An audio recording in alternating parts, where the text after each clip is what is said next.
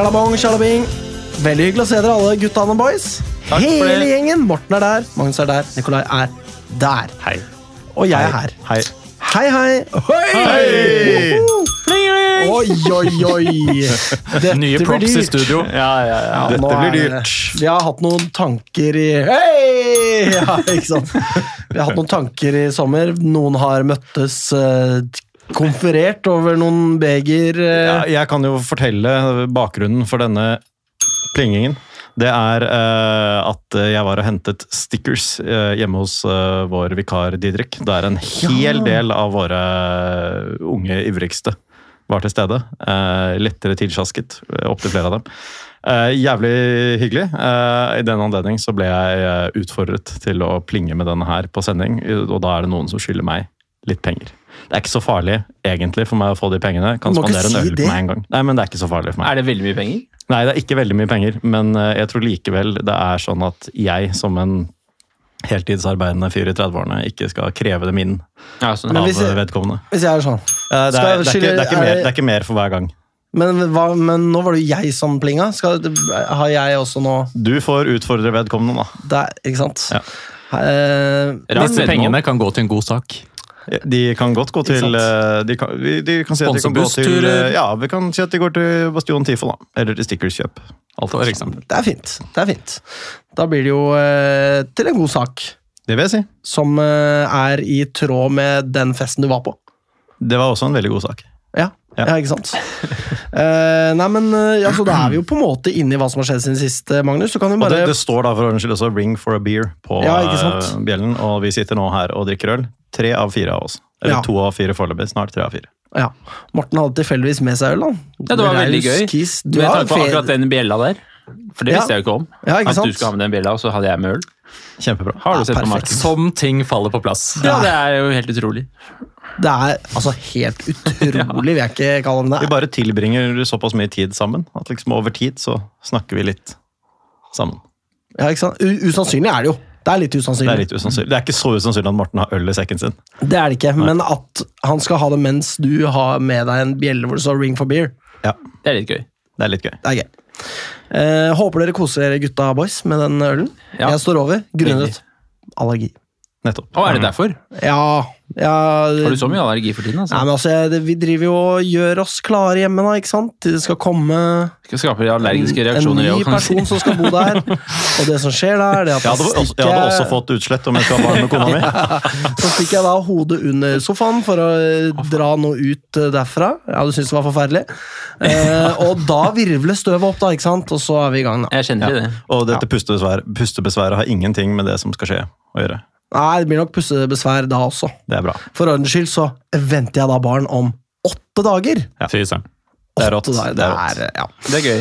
Så jeg kommer ikke på neste sending. Det kan jeg bare si til lytterne med en gang. Da er jeg hjemme med baby. Fullt forståelig. Ja. Vi kan jo da også nevne i den anledning at neste sending kommer litt senere eh, neste uke enn den pleier. Vi har gjort om fra innspillingstidspunkt fra tirsdag til torsdag for å kunne snakke om Kjelsås-kampen. Eh, og ikke ha en sånn sending som kommer ut tre timer før Kjelsås-kampen. Liksom. Som vi, vi ikke kan si noe fornuftig i det hele tatt om den. Men det blir sending neste uke også. Ja. Uten deg. Det Dessverre. jeg skal høre på. Vi har fabulert om jeg skal ta med en baby på sending. Det står vi over. Ja, Gjør det. Stå over. Det, vi dropper Stå det. dropper ja. det. Stakkars eh, babyen først og fremst, da.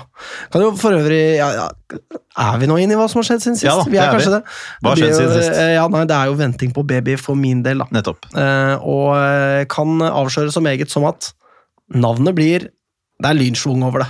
Det vet jeg. Ja. Vi, vi vet jo hva det er. Ja, Skal du avsløre det, da? Nei, Vet jeg trenger ikke å ta Ja, det på du vet sending. Jeg- Folk kan spørre, spørre på privaten hvis altså, de sier jeg lurer. vet. Du har også fått beskjed om hva det er. Ok. Ja. Men det, er, det var mer en sånn heldig bieffekt, da. Ja. Dette var noe man hadde snakket om på forhånd. og- Ja, kjente jo faktisk til denne Men da det, da det ble nevnt, så var ikke du og B. Jeg var ikke det. Steven uh, Nei. Det Tuller blir med ikke det. Steven. Jeg kan skrive på PC-en min nå, Morten, hva det er, og vise det til Ja, deg. gjøre. ikke si det på sending. Jeg skal ikke si det. Ikke si Det visste jeg faktisk. Ja, du visste det, Ja, ikke sant? det. Ja. Her er vi i karakter, Morten. Ja. Eh, Men eh, Så da er det altså ingen barn ennå som har kommet. Det er en noe noget sliten kone hjemme, som er litt lei av alt. Det er forståelig. Så vi har brukt sommerferien på ikke så veldig ambisiøse ting, da. Vi har vært eh, en tur på hytta til mamma og pappa. Det var hyggelig. Da var vi innom uh, Dyreparken uh, som, uh, liksom i forlengelsen av det, for at det er på Sørlandet. Vi kommer til Kaptein Sabeltanns rike, jeg og min sønn, da. Og han sier 'Hvor er Kaptein Sabeltann hen?' Nei, jeg vet, jeg vet ikke. Han, han ligger sikkert og sover, sier jeg. Spiser middag. Jeg sa et eller annet sånt for å liksom bare avlede. Så fuckings dukker Kaptein Sabeltann opp. Og jeg vet ikke hvem som syntes det var fetest av meg og han. Da gikk jeg også så jævlig barna der. Jeg bare Der er Kaptein Sabeltann! Og så bare mista jeg det litt mer enn hva jeg trodde jeg skulle eh, Altså var i stand til i en alder av ja, snart 37. Ja. Så det var fett. Så gikk vi og så på det der smokke, smokkeriet til Kaptein Sabeltann. Man kan gi fra seg smokken sin. Hva sier du det? Ja, det husker jeg ikke. Er det noen som vil det? Det, var, det kom en liten jente som opputta seks smokker inn i det der hølet i veggen der. Hva får man igjen for det, da? Eh, du har slutta med smokken og er Å, er det sånn det er? Ja, Ja vel. Ikke noe godteri eller noen ting. nei, det var ikke det. Det synes syns jeg er for dårlig. Ja, det, det er kanskje foreldrene som må stå for det, da. Det hadde jeg aldri gjort. Som barn, ikke- altså. Gitt fra meg smokken uten å få noe inn? Nei, men det, det er nok noe man avtaler på kammerset, det der, tror jeg. altså. Og Ja. Så var det sånn bok der man kunne skrive sånn. Lille Per sluttet med smokken dato da og da. Altså sånn hjer- hjerte som var knust og sånn. Det var Ja. utrolig søtt. Det er koselig, altså. Nei, så vi koste oss der. Og så Sørlandet, og sett litt på teater. da. Bukkene Brus på badeland, for eksempel. Jævlig fett. Anbefaler alle å se det. Alle. Her er det bare å notere seg Ja, i og alle småbarnsforeldre. Her sitter jeg som eneste småbarnsforelder og ser tre så, litt sånn eh, eh, Ja, dere ser litt ut som spørsmålstegn, alle tre. Litt sånn Nei, men jeg syns Ja. det er hyggelig. Det høres veldig koselig ut. Hyggelig var det. Ja. Hyggelig var det. Selv om dere kanskje ikke nødvendigvis kan relatere helt Skal nok ikke i smokkeriet før jeg har egne barn. Nei. Nemlig. Kjempebra. Eh, og da går vi videre, eh, i henhold til Nikolais reglement for Og så videre.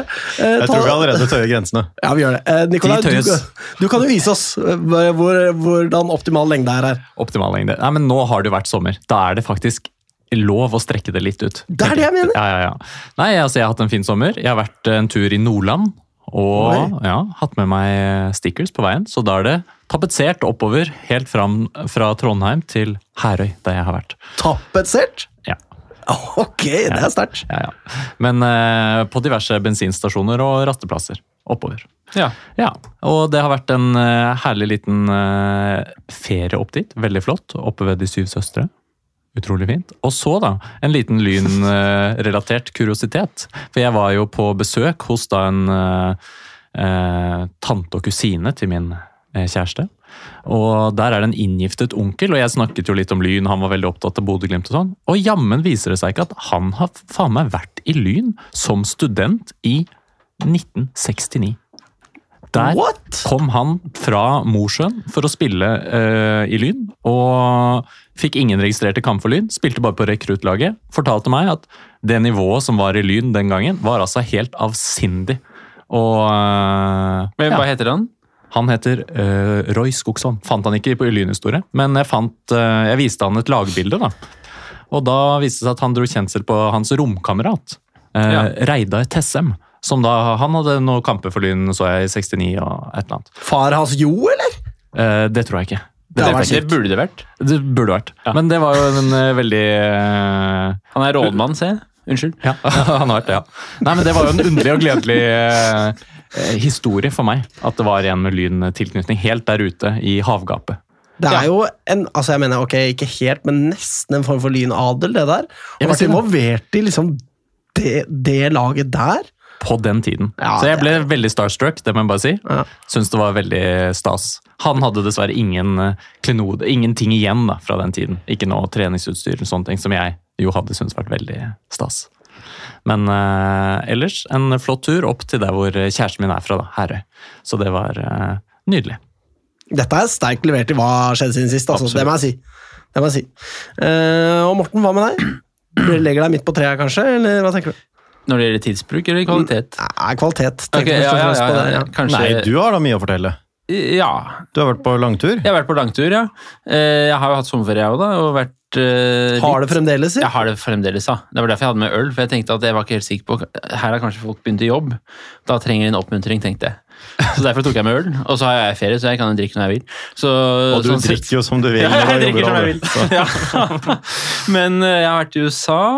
Det har jeg vært i tre uker, faktisk. eh, Med min frue. Som ikke er frua mi, men samboeren min. Ja. Og der har vi altså vært eh, litt her omkring. Vi har vært i Chicago, en omkring. veldig flott by. Har noen vært der? Eh, ikke vært i Chicago, nei. Nei. Nei. Jeg hadde med masse stickers. Oi! Glemte det. Nei! Glemte å bruke dem, liksom? Ja, Ja, ja, ja. nettopp. Du bare hadde dem med over Atlanteren og tilbake igjen? Ja, det stemmer. Jeg hadde de øverst i reisesekken min. Tok dem aldri ut. Men uh, det skal skje neste gang, da. Pling. Der er- måtte ha en liten Ja. pling. Men det var gøy å være i USA. Det, var, eh, det er jo et rart land på mange måter. Mye forskjellig som skjer eh, på hvert eh, gatehjørne, skulle jeg til å si. Det er liksom som På samtlige gatehjørner? Ja, på samtlige. Ja, det er nesten sånn. I hvert fall i de store byene. Og Ja, jeg har vært der, altså. Jeg vet jo at det er rart. egentlig i de små også. Der er det kanskje enda mer rart som sier. Ja. ja. men vi hadde en flott tur. Det, var, det var deilig å være litt utafor Norge. Ja. Ja. Og så har jeg vært på fjelltur. Så deilig å være litt innafor Norge også, da, med andre ord. Ja, ja, ja. Eh, en uke på fjelltur. Eh, i, uten en regndråpe. Det har jeg ikke vært noen gang, tror jeg. Aldri, altså, jeg, tror aldri, jeg har vært mye på telttur, aldri opplevd null regndråper på telttur. Nå hadde vi ti den første halvtimen, og så var det slutt.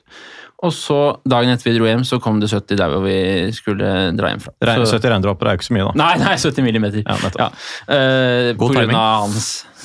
Hans, ja. hans ja. Huff a meg. Så det var veldig god timing, fordi hvis det hadde kommet ett døgn tidligere, så hadde vi antageligvis kanskje vært der fortsatt. fordi Ja. da hadde jo ikke toget gått, og faen vet hva. Kanskje vi hadde dødd. Nei, det var stygt å si. Eller det var ikke så stygt å si, men det var fælt å si, fordi det er jo noen som opplever dette ekstremværet litt verre enn det vi i Oslo gjør. Men jeg håper ingen dør. Enig. Ja. Enig i det. Jeg håper- også at ingen dør. Ja. Da blir det overtid på Magnus i så fall. Det blir overtid, på Magnus. Det er alltid overtid, på Magnus, når det er krise. Ja. Når det er ekstreme situasjoner, så jobber jeg, vet du. Ja, men den rørende beskjed, Morten. Ja. Håper ingen dør. Håper ingen dør. Og eh, nå nyter jeg tilværelsen i Oslo, da. Blant annet ved å drikke øl. Deilig. Akkurat nå. Nå kan du fortelle litt. Magnus? Nei, jeg jobber jo overtid, da, siden det er, siden det er ekstremvær. Eh, blant annet. Men uh, nei, jeg har, eh, jeg har ikke hatt så, så lang ferie som i fjor. I fjor hadde jeg jo åtte uker. Og så har dere tidligere kritisert folk som reiser utenlands om sommeren og søker sol, for det synes det er varmt nok her hjemme.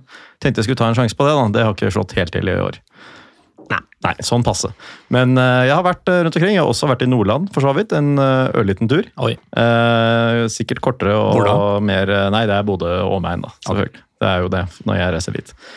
Eh, ellers eh, hytteturer i jazzfestival. eh, Jazzfestival, ja. Ja, jazzfestival. eh, På Kongsberg. på Kongsberg, det er Ja, ikke Molde. Ikke, ikke Molde. Nei. Fysj meg. Eh, jeg syns Nikolai i sted også kunne nevnt at han og jeg var sammen i bursdagen til, eh, Ja, til eh, Ingrid, eh, vår vikar. Ja, i vikar og det var jo etter forrige sending. Ja, det er sant. Ja. Men det er så lenge siden nå. Det er lenge siden nå, men jeg syns det er greit å nevne her likevel. Eh, hennes bursdag og hennes tvillingbror Anders sin bursdag, det var veldig hyggelig. Flott det var jo egentlig bare deg og meg fra liksom vår supportergjeng i Lyn. eh, men det var jo noen andre lyninteresserte også på stedet, og det var ganske fancy greier. Storslått. Storslått. Ja. Hun ble 30 år. Hun ble 30 år. Det ble også hennes tvillingbror.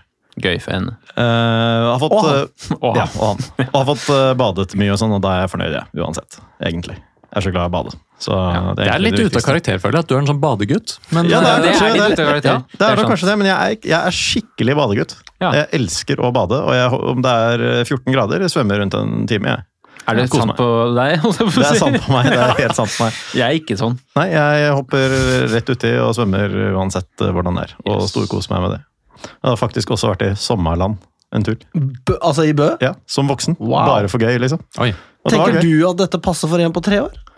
Eh, Det er kanskje vanskelig å svare på. men da må man heller være på den eh, nyåpnede delen for de aller minste, som ikke jeg besøkte så mye.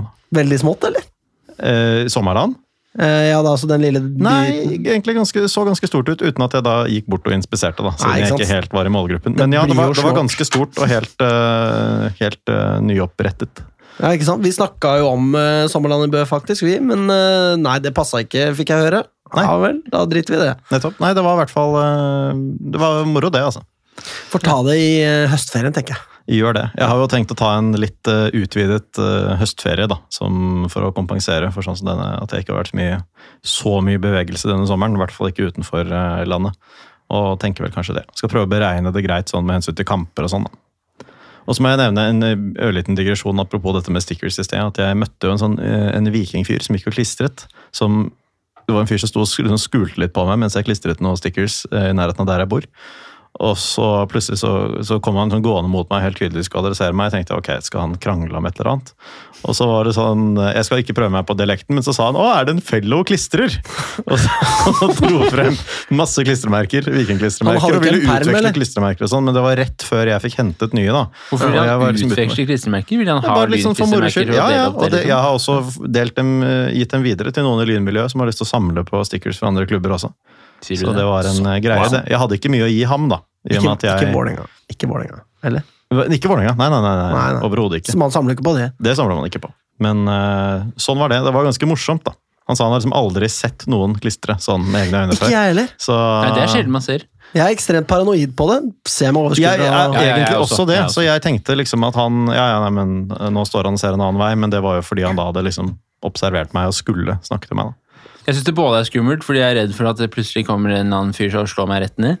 Og så syns jeg det er skummelt fordi det skal komme en politibetjent, holdt jeg på å si, som man sa på 60-tallet, og, og liksom også skal slå meg rett ned. Det, altså, jeg, det jeg, tror jeg, jeg ikke ser meg, er ja, og det er det da, det er jo derfor. Jeg, jeg ser meg i utgangspunktet ganske godt rundt også, en Ja, del av gangene. Særlig når jeg er, særlig når jeg er alene. Ja. Men uh, så, så bor jeg jo også i et kanskje noe mer lynorientert nabolag enn dere andre her. Hvert fall Alex Særlig og Særlig meg. dere to, og kanskje også Morten, vil jeg si. Ja. Ja, eller Det er jo en- også Morten, men ikke fullt så mye. Det er jo en grunn til min paranoia, det, da. Hvor jeg bor også. Det har jo hendt at Liten folk risiko har for Vålerenga-fjes uh, hos meg i forhold. ja, Det har hendt at folk har fulgt etter meg fjes. hjem en gang og sånn. Det var Ja, eh, ikke sant? ja. Eh, Det Det var snålt gjort. Ja. Det var snålt gjort. Veldig. Hos meg på Sagene Bjørnsen. Takk for meg, unnskyld, uh, men uh, tilbake til Morten. Ja. Der er det nok eh, kanskje mest Vålerenga, men det er jo også en del lyn her, da. På Sagene. Det er fint. Eh, Så det er bra. Ja, Sagen er jo Lynland. ja jeg, man, man kan si det. Ja. Ja. ja, men Hvis man er litt freidig, da, så sier man jo det. ja, det gjør man. Ja. Nå har vi jo henta Men Isak ikke like mye som Uldre Nordre Åsen. Nei, det er jo Herregud. Det er det ikke. Skal underlegge oss både Skeid og Kjelsås, vi. Det skal vi. Nok om det. Nå kommer Vi skal Nikolai er ha lei. Nikolai Vi skal er lei. videre. Lytteren er kanskje lei, for alt hva jeg vet. Vi skal ha lynheter. Jeg heter Katinka Fri Sandberg, Og jeg heter Julie Urde. og du hører på Vestkanttribunalet. Yes! Yes! Lynheter. Nå er vi inne i suppa her. Sausen. Kjøttet. Potetene. Paten. Rett, matretten. Kabareten. Glem det. Ikke kabaret. Nå kan jeg. jeg. Eh, vi har hatt eh, spillersigneringer, vi. Ikke der man kanskje håper på det først og fremst. Ja, det vil si, jeg håper jo alltid på spillersigneringer til damelaget. Det skjer jo aldri. Det skjer nesten aldri. Før sesongen, eksempel. Ingen signeringer. Men nå vet du, har hun klinka til og henta Joshua Lyn Reeves Ja. fra Øhild. Uh, og jeg må jo si det at eh, eh, de spillerne Lyn pleier å hente, er jo sånn andredivisjonsjenter som er liksom på vei opp. De er eh, 17, kanskje 18 år, og liksom det, det er Lyns hylle. Her har man forsynt meg godt og henta en Når er hun født? da? Hun er 21 år. Eh, Ja, ikke sant? 2002-modell som har fylt eh, i juni. En 21-åring Lyn henter. Eh, Veteran. Sitt. Ja, på svært Veterine. svært eh, Veterine. eh, Svært høy førstedivisjonsklasse. Så dette her er eh, imponerende innsats av Lyn, må jeg si. altså. Hmm. Eh, det er jo noen Ja, Den har eh, over 50 mål i førstedivisjon. Da er det greit å få prøve seg da i toppserien. Ja, det er jo mer enn godt nok, det. Og steget eh, fra førstedivisjon til toppserien er jo tross alt en god del mindre enn direkte fra andrediv, sånn som vi har.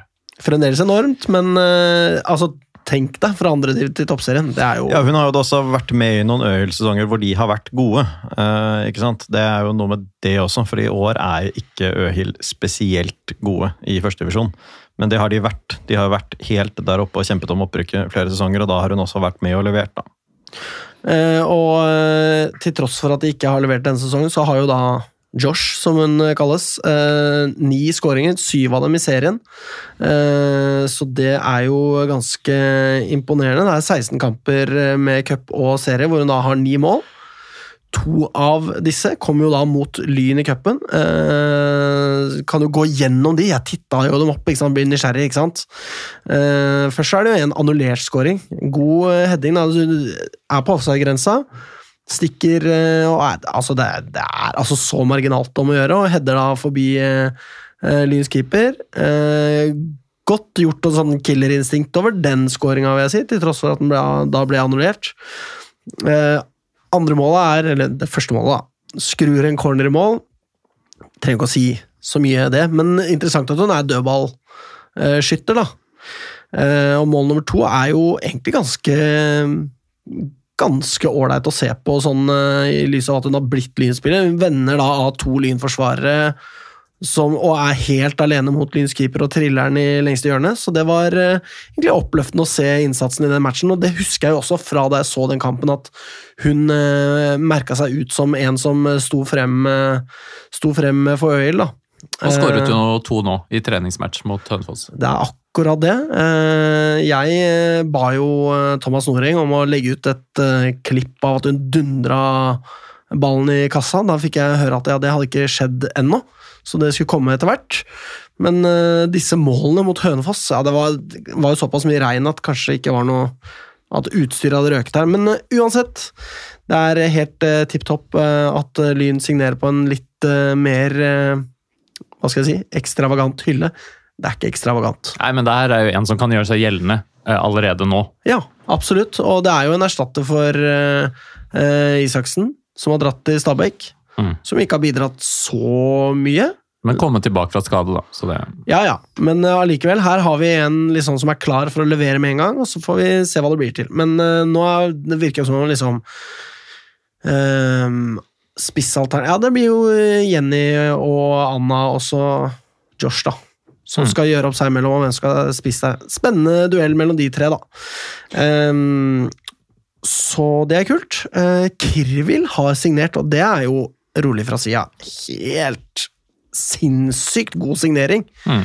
Uh, nå fikk hun ikke spille så himla mye i Italia, uh, men har jo vært i en helt annen treningskultur der.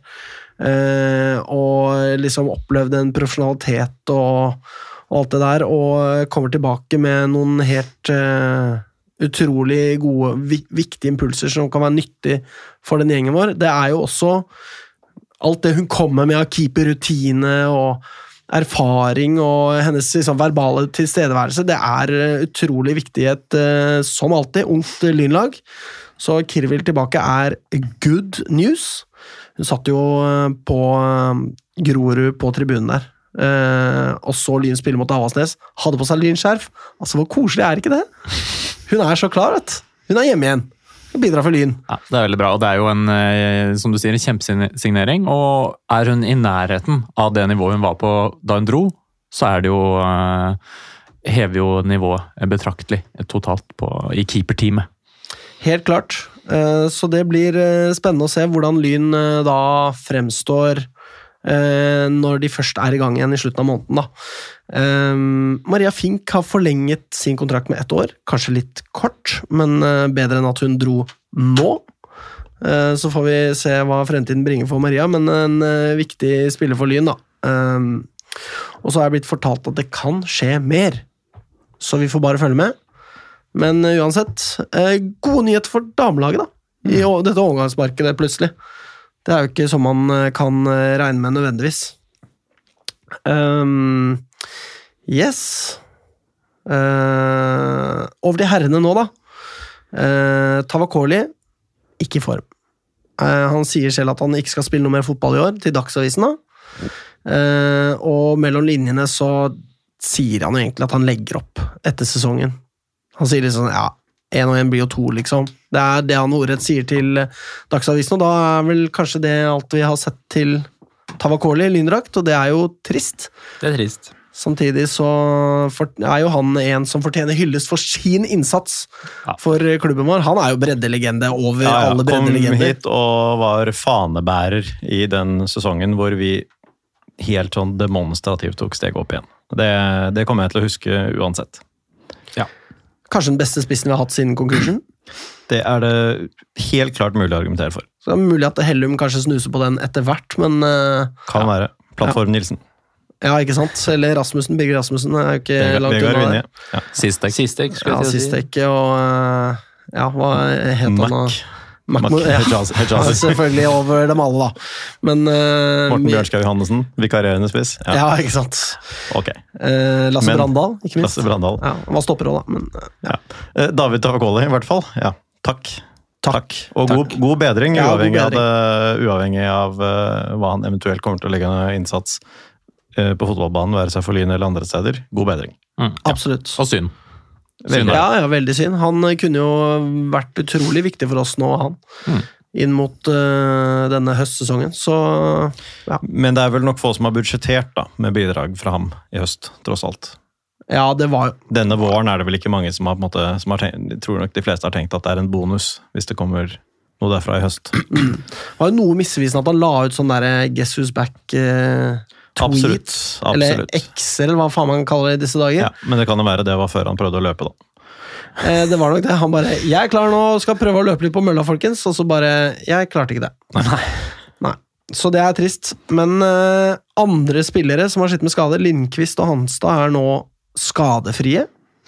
De skal spille seg i form igjen og et eller annet. Det er ingenting i tippekonkurransen vår jeg har mer lyst til å bomme på enn det at jeg trodde Hanstad kom til å få null kamper i år. Ja, det, det er jo uh, Tippet du at han aldri kom til å liksom Ja, Bare fordi det var mer sannsynlig enn noen enkeltkamp, tenkte jeg da. Ja, ja. Uh, nemlig. Så um, Og så har vi jo da Breistøl som skal av gårde til Kjøben. Det er jo nå offisielt meldt fra klubben. Så det er jo på en måte der kanskje Hanstad skal inn, da. ikke sant? Inn på venstrevingen der. Det er jo et ganske stort tap. Det virker jo Altså, jeg mener Det går i to retninger nå. Når jeg har eh, vært ute og meldt litt eh, på Twitter, så har det på en måte Noen har sagt ja, men herregud, det, det laget vi har er da mer enn bra nok. Og så er det de som er ganske stressa på hvilken retning klubben tar eller altså sånn, eh, hvilken retning vi er på vei når vi ikke signerer spillere. Det er jo ikke signert noen hos herrelaget. Det er en tematikk det er verdt å løfte opp og diskutere litt. Riktignok forfremmet igjen, da. Fra juniorlag. Ja, og det blir jo ikke altså jeg mener, eh, fordi Det det har vært snakk om, er det at Lyn skal hente en forsvarsspiller og en uh, midtbanespiller. En eh, kraftig forsterkning på midtbanen, ble det sagt fra Glenn himself. Ja. Eller bare en som skal dekke opp for bakken, ble det også sagt. Det, ja, det var det eh, Jan Halvor Halvorsen som sa. Velkommen til deg, Jo Inge Berg. Ja. Altså, det, må, det må være lov å si det. Man kan si det. Men jeg synes eh, spørsmålet er da eh, altså, Hva tenker dere Lyn eh, trenger sånn vi er nå? Ikke midtbanespiller, kanskje, jeg- først og fremst? Jeg eller? tenker jo at dette, For meg så handler dette her i hvert fall mer om eh, bredde i stallen enn det handler om en førsteelver som trenger store forsterkninger. Det er supert om vi skulle få inn en sentral midtbanespiller som fortrenger en av de som er der nå, men de har også levert en kjempegod sesong. Eh, så dette handler mer om hva som kan skje, og hvor forferdelig surt det ville være hvis en eller annen skade på en viktig spiller skulle bli skjebnesvanger i høst. Det er egentlig det som er den store frykten for meg. At jeg, når jeg ser på Lyns stall, så ser den ikke bred nok ut til at jeg klarer å ha hvilepuls mens jeg scroller. I hvert fall. Og Det er det som er, eh, er utfordringen for min del. Og så er det jo selvfølgelig da det at Ole Breistøl, som har vært eh, var fantastisk i fjor. Slet litt i starten av sesongen eh, i år, men så har vil jeg absolutt si hevet seg, og helt ingen tvil om at det er han som er Altså, Han har aldri vært truet om den plassen på, på venstreving denne sesongen. Det at han nå forsvinner, eventuelt prøver å altså Han forsvinner jo ikke før midten av september, da, så vi har jo fortsatt litt tid til å tenke på det. Etter det jeg har forstått, så er det ikke før midten av september. Men eh, det finnes nok ingen måte, nødløsninger der da, som er like gode som, eh, som Breistøl, som et fullverdig medlem av A-stallen, som er på alle treninger, som spiller alle kamper på venstreving. Og det bekymrer meg. ja. Det er, jo, det er jo kvalitet i Hanstad, ingen tvil om det. Eh, Jeg så jo en tweet eh, Vi fikk en ny følger på Twitter her om dagen. Det var eh, Jakob Hanstad himself. Eh, Og hans, eh, liksom den siste tweeten han hadde Det var en retweet, eller re-x, eller hva faen han kaller det. Som var da Carl Marius Aksum. Jeg vet ikke om dere husker han? Han var involvert. Ja. Han er jo nå i Odd. Driver med noe Jeg tror han er trener for et eller annet U16-lag. Under Paco, i hvert fall. Ja. Driver med noe analysegreier på Twitter, i hvert fall. Ja, og han beskrev jo da altså Han er utvilsomt en kompetent fyr, har doktorgrad og hele helvete, liksom. Eh, beskrev Jakob Hanstad som den mest pressresistente spilleren han hadde møtt noen gang. Som jo Får vel tro at han har vært borti en og annen spiller, da. Eh, så det er ingen tvil om at det er kvalitet i Jakob Hanstad. Eh, og da kan vi kanskje håpe at det brukes tid på å få han inn i folden mens Breistøl er her fremdeles. Eh, Men det er litt vanskelig å si hvem som skal inn der. Og, og sant, som du sier, Magnus, kanskje kan erstattes når han drar, men eh, overgangsvinduet stenges jo på et punkt også. Da blir det jo Det det. klubbløse spillere, da. Absolutt. Og når er det han, eh, han Hva heter han? Ole Breistøl eh, forlater oss? Altså, Visstnok midten av september. Nå har ikke jeg kvalitetssikret denne informasjonen, men det var det som ble, ble omtalt et eller annet sted. Ja.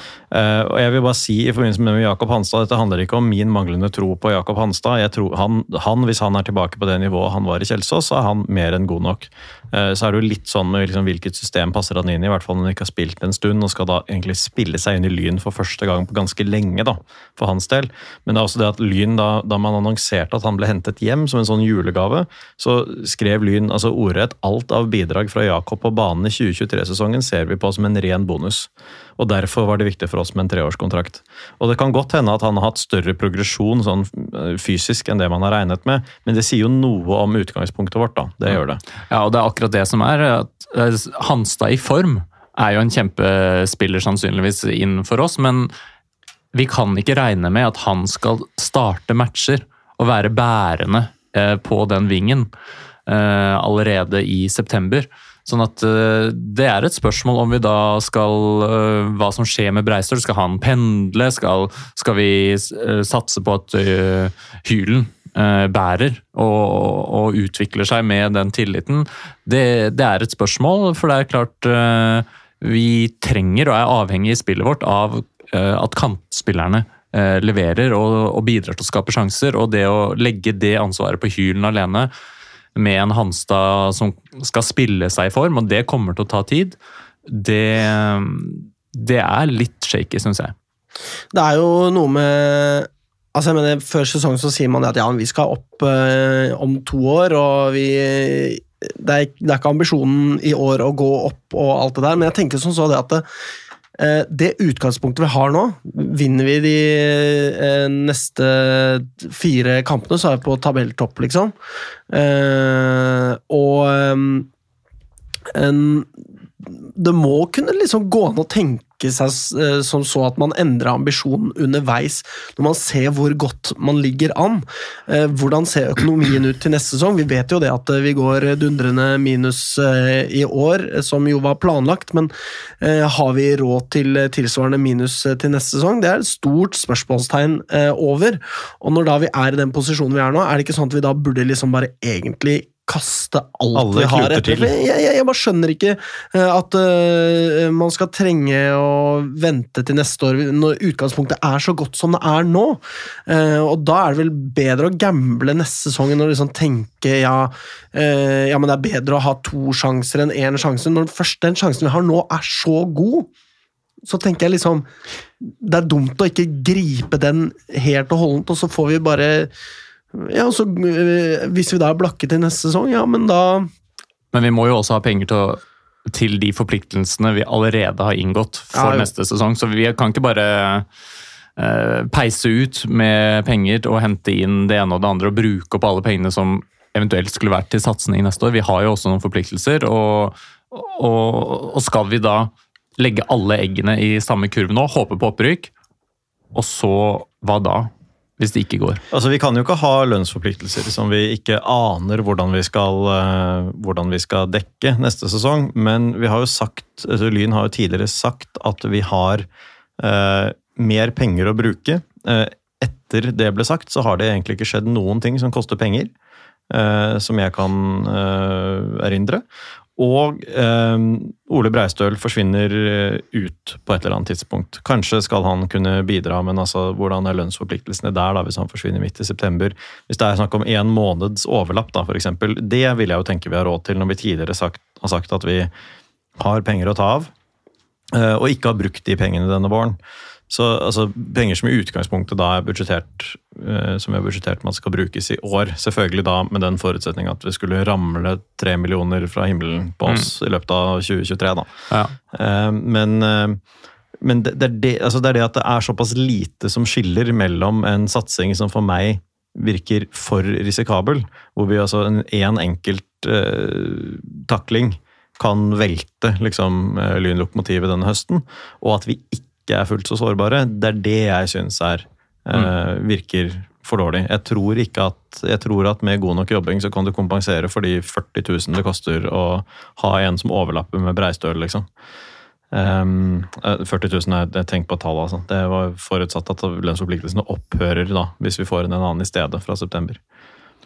Ja, og, og så er det jo øh, Vi så i starten av sesongen, da hadde vi utfordringer, la oss si det sånn, med spissplassen.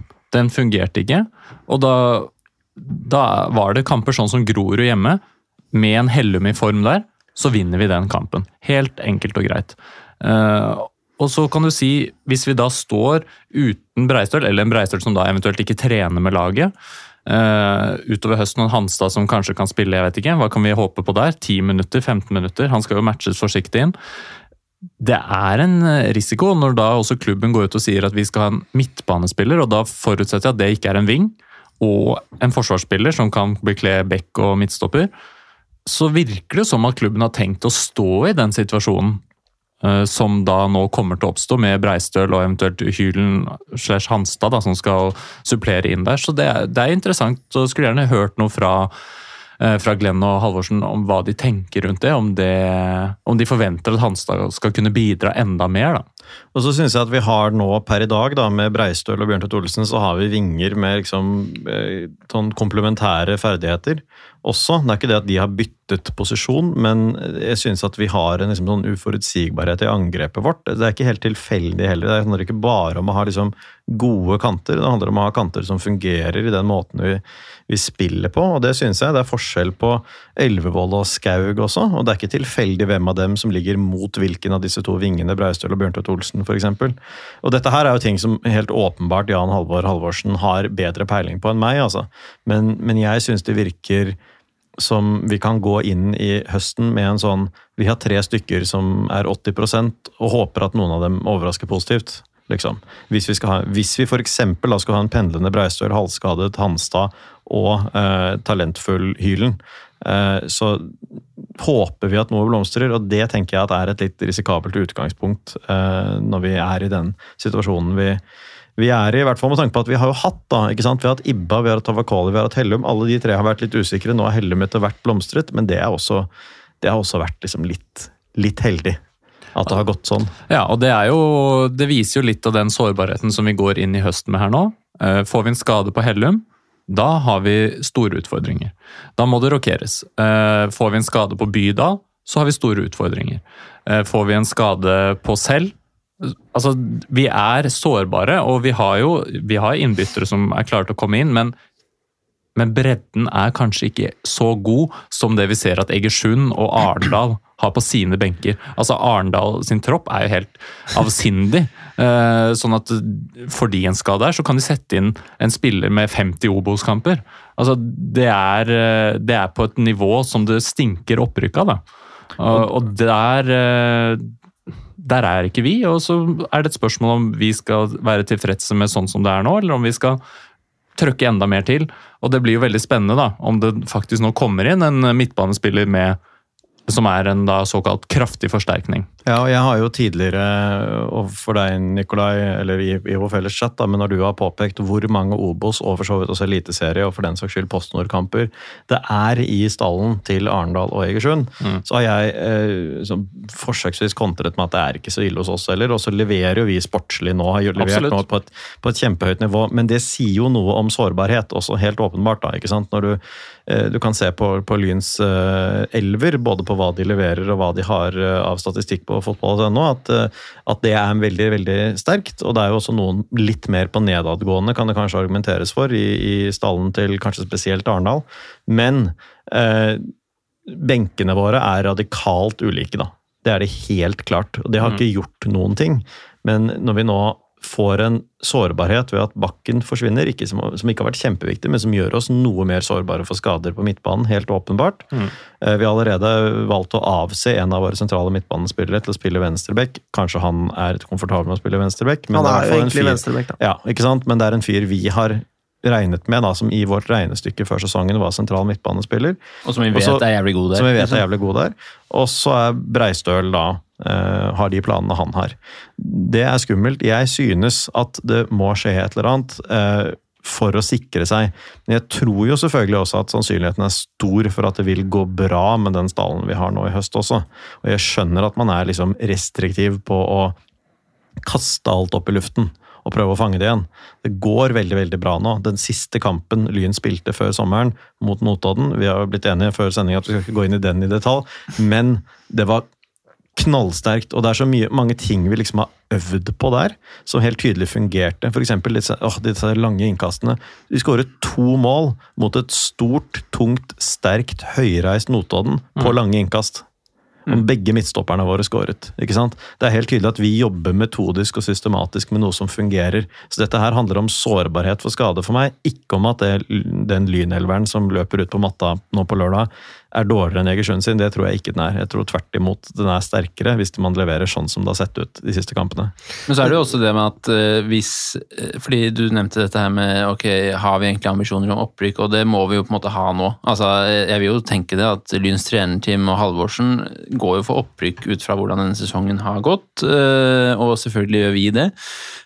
Og slår vi Egersund på lørdag, så er vi jo Da tenker jo jeg at Lyn er opprykksfavoritter i år.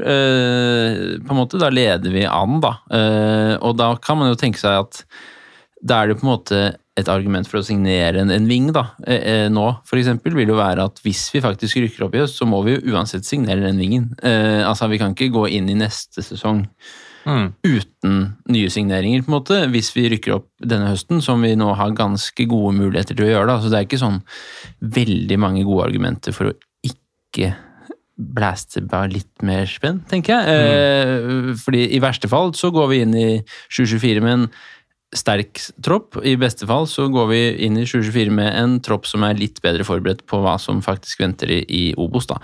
Eh, og, og jeg tenker jo at vi er favoritter til å rykke opp hvis vi slår Egersund på, på lørdag. Eh, og det bør vi jo på en måte klare på hjemmebane når vi så hvordan det gikk på bortebane. Eh, så, så det Vi kommer tilbake til det. Ja, så jeg tenker jo at en signering på vingplass, det hadde vært digg. Fordi Det som bekymrer meg litt, eller i hvert fall det jeg synes er frustrerende, er at det virker som Lyn liksom er et skritt bak der vi burde være. For eksempel Før sesongen så sier vi vi må ha en stopper til. Det trenger vi. Nei, det er tre stoppere, det holder. Vi trenger jo bare to om gangen, så det går fint. liksom. Det er, det er den beskjeden vi får av Glenn når han sitter her og prater med oss. Eh, nå virker det innlysende for veldig mange at vi trenger en ving. Det er ikke, det, det er ikke noe som adresseres eh, av Jan Halvor Halvorsen eller Glenn. Uh, og uh, jeg bare tenker som så det at liksom Eh, dette er jo spillere vi skal ha med oss også, ikke sant? men det er ikke sånn som vi skal signere noen bare på kort sikt. Dette blir jo en langsiktig erstatter for Breistøl.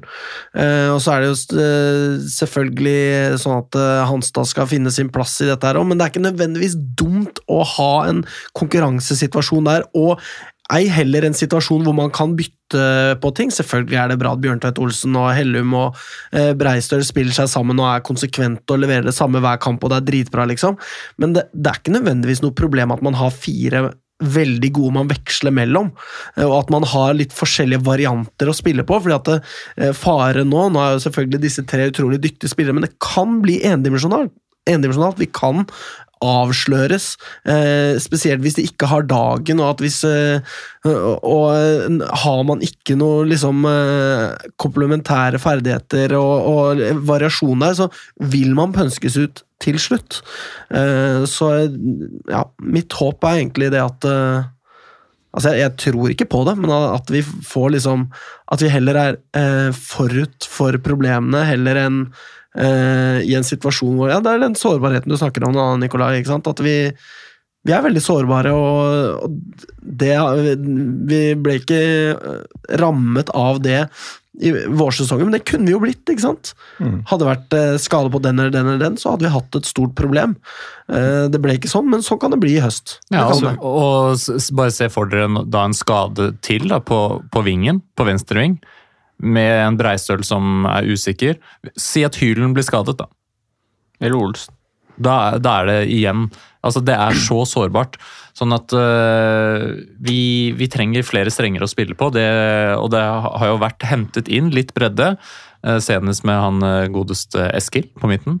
Men jeg tenker det er viktig å ha bredde som kan komme inn og, og holde samme kvalitet. Som tilnærmet samme kvalitet. Og der konkurransesituasjonen er så jævlig sterk at selv om vi får en suspensjon, og det kommer nå utover høsten, de gule kortene hoper seg opp, og det blir suspensjon, og vi har egentlig ikke råd til veldig mange flere tap utover høsten. Vi er helt avhengig av å dytte inn kvalitet. Det er jo også en faktor, det med suspensjoner, ja. Helt klart. De kommer til å, det kommer til å være en helt annen med hverdag med suspensjoner i høst enn det det har vært om våren. Og det er også en av grunnene til at jeg som sagt sliter litt med å klare å holde hvilepulsen når jeg scroller i den stallen på, på hjemmesiden. Så skal jeg, jeg skal si én siste ting fra min side, så skal jeg gi meg i hvert fall for nå. Eh, Men, men eh, det er også at eh, for å se litt positivt på det, så er det sånn at om fire uker fra i dag, så har Lyn spilt ferdig for sesongen mot Egersund, mot Kjelsås, mot Vålerenga 2 og mot Arendal. Dette er før Ole Breistøl avgis, f.eks. Etter det så har vi et kampprogram. Vi skal møte Grorud borte. Det er midten av september. Det kan hende Breistøl er med der, kan hende han ikke er det. Jeg vet ikke. Men etter det så er det altså en rekke. Det er Fløy, det er Ørn Horten, det er Ålesund 2, det er Brattevåg, det er Treff. Det er Vard Haugesund, det er Notodden og det er Fram. Notodden, ok, vi slo dem nå tross alt 4-0 hjemme, og de kommer ikke til å ha noen ting å spille for i nest siste serierunde. Vi har en litt sånn lignende rekke som den vi gledet oss til i, i vår, Mm. hvor vi virkelig liksom klarte å hente tilbake igjen. Og der vil det jo ventelig gjøre litt mindre, da, med én eller to i elveren ute i en kamp her og der. Så, så det er jo egentlig den, den neste måneden nå vil være altså så ekstremt avgjørende, og det kan hende vi til og med tåler å være ett poeng eller to eller tre eller kanskje til og med fire på etterskudd inni den rekken. Vi skal selvfølgelig ikke satse på det eller regne med at det avgis poeng, men vi, vi så jo med denne terminlisten og så i vår også at ok, dette her er ganske en ganske ålreit avslutning etter en ganske tøff start. Og sånn er det tross alt også nå i høst, da. Altså den, eh, Det kampprogrammet vi har nå, de neste fem kampene, er eh, sannsynligvis sesongavgjørende. Og topplagene møter hverandre, alle sammen internt. Og det eh, Når vi får Arendal eh, på besøk på Bislett, så har de uka før spilt mot Egersund. Så at det, det blir enormt enormt spennende. Det er nesten vanskelig å sitte her og, og tenke på den høsten som kommer, eh, når vi nå den bare neste uka går inn i helt, helt avgjørende matcher. Vi har Egersund, vi har Kjelsås, og så Vålerenga 2 som kommer til å stille med krutt og dynamitt på Intility. Så det, det, det er så jævlig spennende nå, rett og slett. Det er så utrolig dust tidspunkt å få et barn, liksom. Hva faen er det jeg tenkte på? Jeg visste ikke, jeg Ja, vi, ikke til, det har vi også lurt på. kjente ikke til terminlista, da. Nei, Det men må man sies. må jo Eller- eller termin. Eller termin, da. Ikke sant? best å få unge på vinteren, vet du. Nok om det. Eh, vi vinteren, har eh, snakket eh, lenge og vel om dette. Eh, skal vi se, Nå må det sies at eh, Rasmus Isegran er eh, en stopper fra Sprint i Jeløy, som da tidligere har spilt i Asker. Der skal vi tydeligvis hente alle fra. Ja. Eh, det er eh, da også en keepertrener som har vært i Asker. Altså, det, er liksom ikke, må- det blir nesten komisk. Har du noe innspill. Nikolai? Hmm? Asker-messig innspill? Asker-faglig? Veldig, veldig få, annet enn at eh, det har jo gått eh, litt dårligere med Asker den senere tid. Det har det. Eh, de var jo gode for ikke lenge siden også, da. Det Absolutt. Og det er jo den gjengen som kommer til Lyn. Men, så han har da spilt i Sprint Jeløy midt i tredjedivisjon, så det er ikke helt det man håper på, kanskje. Men han er kanskje en decent spiller, men han er jo ikke signert. Så vi får nå se. I dette bildet tenker jeg kanskje det at Isak Barnett kanskje er den som sørger for at vi har en At vi kanskje ikke trenger den backstopper-varianten, fordi at eh, han kommer opp og kan ta den rollen. Hvem Mm. vet. Men eh, Egersund har også signert et par spillere, og det er jo det som gjør det ekstra frustrerende, fordi Egersund ser jo ut til å styrke seg voldsomt. Eh, De har hentet da Tobias uh, Harstad, står det. Det er, feil, ja, det er autokorrekten som har fucka meg over her. Tobias Hafstad har da åtte kamper i Eliteserien denne sesongen, uh, men det må sies, det er Det er kun innbytter. Ja, og det er få minutter, altså. Så Men litt. det er et kjent eh, fotballnavn, det. Er det ikke det? Hafstad? Uh, Tromsø-navn? Det er flere før han som har hett det. Ja, ja, ja. Ja, Men, liksom, men det er jo sterkt uansett å bli byttet inn i eliteseriematcher. Han er byttet inn i toppkampen i Eliteserien mot Molde, mot Bodø. Altså, han er jo tydeligvis en de har hatt tillit til, og som jo vel var på utlån til Arendal i fjor, kanskje. Mm, stemmer. Sånn at uh, Null mål på åtte kamper der, da. Så Jo, så- Men, men som en som definitivt holder nivået, uh, og han. som jo vil være en breddeforsterkning for, uh, for dem. De har også da henta tilbake venstrebekken Mats Nørby Madsen fra Arendal. Det er litt sånn eh. det, det, hvis, hvis de to henter spillere fra hverandre, så må de bare gjøre det. Det spiller jo ingen rolle for oss sånn, egentlig.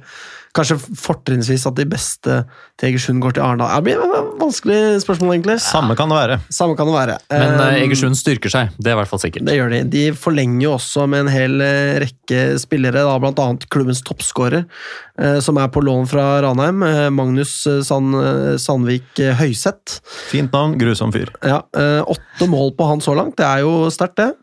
Eh, De beholder da også den nødlånte keeperen Sander Lønning eh, til eh, femte i niende. Og det også er spennende å se. Ja, veldig. Hva det- skjer da? Ja, Det sa han, han derre babyen som er daglig leder i Egersund. Eh, han, er, han er 21 år! Ja, ja, ja. Det jeg, klarer ikke å fatte og begripe hvordan Virker jo på glup bra. og da. Det Det si. det må jeg absolutt si. Eh, Men eh, han kommuniserte utad at de trengte en keeper, da. Så det er eh, Som kan bli sesongen ut, da. Um, Det er tydelig at de har i hvert fall kapasitet, Egersund, til å hente inn spillere her det nå. har de, og det sa, sa de jo også før sommeren, at vi, vi skal hente. Og det er på en måte det, liksom, det er jo en eh, Man ser jo på liksom de lagene som gjør det aller best i hele verden. Hvordan er det de klarer å liksom eh, over tid holde seg gode, og det er jo å ha en hele tiden en sånn der eh, utskiftning gradvis. Det er ikke noe sånn store løft med at nå henter vi fire-fem spillere som alle skal bli A-lagsspillere. Det er ikke nøkkelen til suksess. Nøkkelen til suksess er å ha et jævlig godt lag, så plusser du på én god her og der. To gode her og der. Innimellom bare kaster de inn Da spiller det ingen rolle om du mister en god spiller, fordi da har du hele tiden en sånn flux hvor du eh, på en måte bevarer vinnerkulturen og holder det litt sånn kreativt og boblende. Og, og Det er det det virker som Egersund gjør, og det er derfor jeg også bare tilbake til det, da, er positiv til at Lyn skal hente en eh, sterk eh, midtbanespiller. Det er jo rykter om at det kommer en fra Obos, det, det er alt jeg har hørt. Men, eh, men at vi der på en måte Det er ikke der vi åpenbart trenger en ny spiller, men allikevel så kan vi spille, hente en spiller til en lagdel som funker bra, bare for å liksom holde det Holde hjulene i gang og liksom eh, ha nye strenger å spille på, da. Um, eh, Arendal har også signert én spiller her, så vidt jeg kunne finne. Sande Martini, Martiniussen. Ja, sikkert, fra Kongsvinger. Som da har fått uh, Hva het han, sa du? Sander Sander Martinussen. Ja. Uh, som da har én kamp fra start og ni innhopp for Kongsvinger denne sesongen. Det er jo For det er også begrenset med eh, spilletid, så jeg. da. Uh, Ja, har ja, ikke spilt absolutt. mange minutter, Ja, men det er klart eh, De fleste minuttene han har spilt, er i fjerde divisjon. Sånn at, men det er jo uansett da, en type signering som vi ville vært veldig happy med. Det kommer en spiller fra topplaget i Obos som ikke har fått spille så mye der, men som da mest sannsynlig kommer til å forsterke et lag i PostNord. Mm. Men altså, Og også også en spiller som kjenner Arendal, da. Som var der, eh, var der en høstsesong i fjor. Men så må det sies det at hvis Lyn henter da inn en uh, decent midtstopper og en kjempegod midtbanespiller, så er vi liksom Det er jo ok, greit, det adresserer ikke den der wing-situasjonen, uh, men det vil jo få meg til å føle meg mye bedre. Uh, samtidig så er det jo i seneste laget nå, på en måte. Det, Det er det med tanke på hvor den eh, rekken med de tøffeste kampene kommer. Ja, Man kan ikke forvente sesongen. at folk spiller seg inn på eh, 1, 2, 3. Det, det, det er et såpass høyt nivå at det her må man på en måte gi spillere tid Mm. til å kunne finne sin plass i laget. da. Um, og ikke, dette er, er ikke et topplag, men det er noe vi skal møte snart. og Det er en for så vidt interessant situasjon. Kjelsås henter da eh, Markus Solvang Ottesen fra Follo, som har gjort det bra der, for å hente da Rasmus, eh, erstatte Rasmus Winge. Uh, så det blir jo spennende å se hvordan de kommer til å fremstå mot eh, oss da når de møter oss neste uke. Vel å merke likevel klart svekket da, med å vist, miste Vinge og hente han fra Follo. Det er ingen tvil om at det er liksom et steg ned, på en måte. da. Ja. Ikke Altså, Torm Ottesen, kjenner han ikke, aldri hørt om han. Sikkert en fin fyr, men, Men- han er Vinge ikke bedre enn Vinge. Nei, han var jo dominant vinge. Ja. I alle de Så vi jo matchene mot Egersund, for eksempel. Han var Kjelsås' suverent beste spiller. ja, ja, ja. Og han i cupen også. Ja. Helt avgjørende for at eh, Kjelsås har gått så langt som de har gjort. Eh, Så hva som skjer når de ikke lenger kan hvile angrepsspillet sitt på at han skal eh, skape noen ting, det blir jo også interessant å se. Men, men så vet jo vi at Kjelsås er selvfølgelig et kjempesterkt lag uten han også. Så at eh, det gjør jo at vi kan gå inn med en viss nerve i den eh, hengekampen nå på onsdag. Er vi nå på sett og vis over i å snakke om disse to kampene, eller? Altså, eh, Vi skal se på tabellsituasjonen først, eh, kort, kort, og så snakker vi om de kampene. Så da bare hopper vi inn i det. vi. Jeg heter Stefan Gislason, og Lyn er en verdens beste klubb. Yes, det er jo eh, for lystelig. Det er for så vidt. Lyn var jo lenge oppe på en andreplass, men eh, nå er vi nede på en tredjeplass. Vi har tolv spilte kamper. En hengekamp da mot eh, Brattvåg og mot Kjelsås. Det er denne Kjelsås-kampen vi snakker om eh, til neste uke, som blir da før neste sending. Ehm, så ser vi da at Egersund er oppe på 35 poeng mot da Lyns 27, og så har da Arendal 29 poeng eh, midt imellom der, da. Eh, vinner vi våre to hengekamper, så er vi da to poeng bak Egersund. Så det, det kan jo ikke under Eller kan ikke sies nok eh, hvor avgjørende denne Egersund-kampen er. Alle vet det. Ja, og det innebærer, det jo at, liksom- det innebærer jo at om vi vinner den, så er ting i egne hender. Det er akkurat det der. Og det er det jo for så vidt nå også, fordi at vi skal jo Ja, ja, ja, den kampen. absolutt. absolutt. Men da er det ute av Egersunds hender, da. Det er akkurat det. Hå! Ja. At du sa det, det ga meg en eh, sånn boblende følelse. faktisk. Men det er helt sant. Shit, Det er en matematisk nødvendighet. Det er det. Eh, matematikken, for en forunderlig og spennende Deilig disiplin. Ja. Eh, bak Lyn er jo da Notodden på 24 poeng. De har jo da disse 14 kampene sine, så det er jo det koblet på tre lag i topp her som stikker av. Eh, og så er da Kjelsås bak der igjen på Ja, 23 og de har jo en poeng. kamp å gå på for uh, Notodden. Ja. Eh, så det er eh, sitrende spenning eh, her. Ja, og den, det er jo en X-faktor, dette med Lyns to hengekamper. Eh, kanskje aller mest denne mot eh, Kjelsås. Den mot Brattvåg får vi jo regne med at et lag som eh, Når vi driver og regner på opprykkssjansene, så skal vi slå Brattvåg eh, hjemme så vel som borte. Den kommer jo på et gunstig tidspunkt. Vi har fått utsatt den matchen til en uke der det ikke er andre kamper. Absolutt. Den Ja. kommer på et veldig gunstig tidspunkt. Så eh, altså, Det at vi havner to kamper på etterskudd da, gjennom utsettelser på den måten Den ene, altså Brattvåg-kampen, ble utsatt pga. et innstilt fly. Det var en, en, et problem på Lyns side, men helt uforskyldt. Det andre, altså Kjelsås-kampen, fordi Kjelsås eh, skulle spille cupkvartfinale på, Og på torsdag. Og på sommerferie Ikke minst. innen søndag, og kunne derfor ikke spille på søndag. Det er veldig rart. Jeg gidder ikke ta hele den regla nå, men, men eh, de er jo litt sånn kjent for å bløffe om ferieplaner. Men eh, NFF hadde jo da også for, dumt nok forpliktet seg til å ha to cupkvarterfinaler på hver av de to kampdatoene, da, onsdag og torsdag. Eh, det er uheldig, men jeg tenker jo også da at det er ingen tvil om at, for meg da, om at Lyn med sin trener og sitt nivå på treningene rent sportslig ikke trenger å ta skade av å spille sammen noen uker til, egentlig. Eh, vi kan snakke om det der psykologisk, altså den psykologiske faktoren her. Den er absolutt til stede. På tabellen nå så føler jo vi at vi henger på etterskudd. Vi må vinne, vi har kniven på strupen. Men nå er, er jo Lyns nerver mindre frynsete enn det vi er vant til. Det er jo på en måte innprentet i vårt DNA nå, nærmest, liksom at hvis Lyn har mulighet til å choke, så gjør de det. Sånn er det ikke. Sånn som i fjor, før den Nordstrandskampen. Og herregud, tenk så nervøse de gutta er. De aner ikke at de skal være nervøse. De har ikke fått med seg at dette her er noe å være stressa for. liksom. Selvfølgelig, ok, En seriefinale er én ting, men også den kampen etterpå mot Oppsal. Vi tenkte, Tenk om vi da tuller til mot Oppsal. Nei, nei, det hadde vi ikke gjort uansett hvordan det hadde gått på Nordstrand. Helt åpenbart. Så altså, vi eh, i, I fjor også. Eh, alle husker hvordan vi gikk fra meget gode til helt utilnærmelig over sommeren. Ikke sant? Eh, nå er det færre utskiftninger, mindre rom for liksom voldsom forbedring over sommeren, kanskje. Men vi så i fjor at vi tålte sommerpausen bedre. Vi hadde mer nytte av den treningen og innprentingen og det arbeidet til Jan Halvor Halvorsen enn de andre. Så jeg tror ikke at det her trenger å være så jævlig farlig. Jeg tror Egersund kjenner også litt på den usikkerheten. De har levert det de skal gjøre, men de har ikke levert fantastisk bra i det siste, selv om poengene deres selv om de har hatt mange poeng. Så jeg, ja, jeg tar ikke det så, tror ikke det betyr så veldig mye for våre opprykkssjanser. Mer at det har vært en kilde til frustrasjon for vår del underveis. Og så er det jo egentlig sånn at uh, før sesongen da, så hadde jo i hvert fall Arendal, men kanskje også Egersund, et større press på seg enn det Lyn hadde. Ja. Uh, altså Det er ingen tvil om at uh, Lyn som klubb på en måte var ikke opprykksfavoritt. da. Eh, Arendal var jo det, og Egersund var det vel også i større grad enn Lyn. Eh, vi er nyopprykka.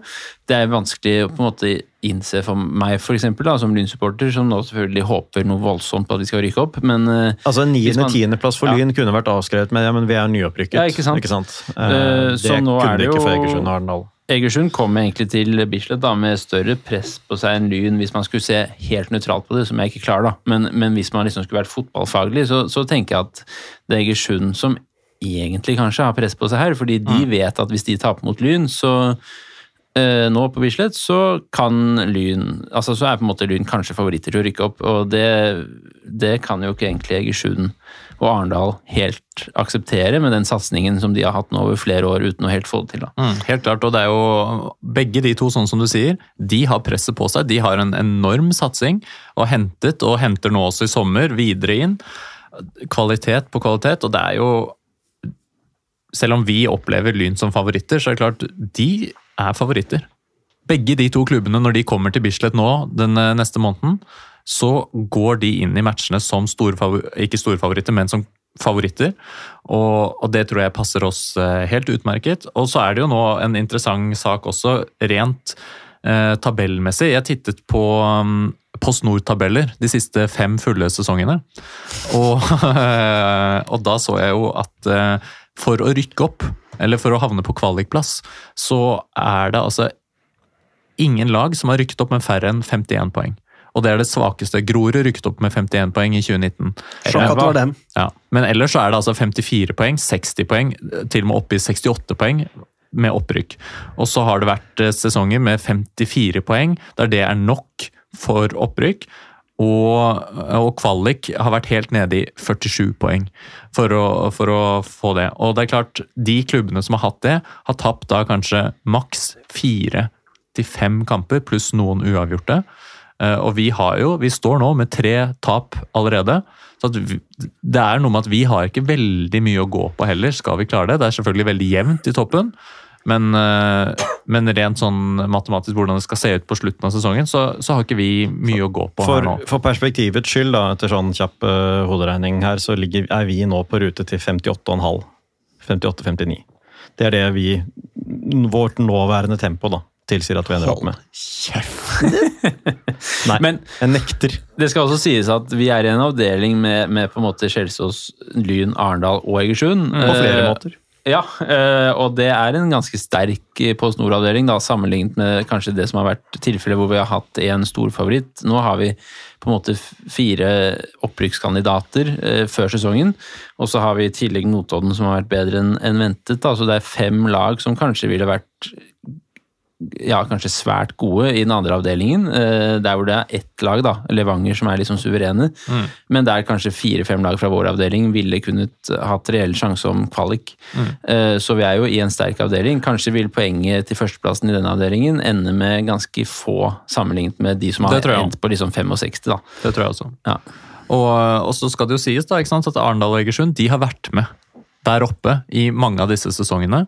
De har vært helt oppe og snus på opprykk og eh, kvalikplassen. De har den erfaringen. Eh, Det trenger ikke å ha noe å si i det hele tatt, men det er klart, eh, de, de har likevel et mannskap som har prestert jevnt og trutt over mange år, og, og vist en kvalitet. Eh, Og det blir De er vant med å snuble på høsten, da. Ja, vi får se. Og, uh, Ja, men det er de. Det har de pleid å gjøre. Sånn at uh, Vi får se nå uh, hvor det bærer. Men når Magnus sier ikke sant, vi er på kurs til hva da? 58? 58,5 er sånn matematisk. Ja, ja. Og eh, hva Legger du inn da noen tap på utover høsten, eller hvordan Nei, er det? altså det med det tempoet vi har holdt nå, 2,25 poeng per kamp, da, Ja. er det vi har tatt så langt. Så at, uh, og jeg tror også at vi får en, en vinner med rekordlav poengsum, så jevnt som det er, med fire-fem klubber som er helt oppe og snuser. Så det Det ser eh, veldig, veldig spennende ut. Det ser lovende ut. Og eh, ja, vi, jeg tror vi vet veldig mye nå etter de neste fem matchene. Eh, Arendal skal jo da møte Brattvåg eh, når vi møter Egersund, så det er ikke vits å håpe på så mye der, kanskje. Eh, Altså, De har et lett kampprogram til de får Egersund ja. borte. Det er jo Er det ikke Eller er det hjemme, kanskje? Nei, det er, det er i Arendal, ja. Det er i Arendal. Det, ja. Mm. Det var jo Jeg husker den kampen at den var i Egersund. Den ja. Det var jo der det var eh, Ja, armknekk og Ja, hele pakka. ja.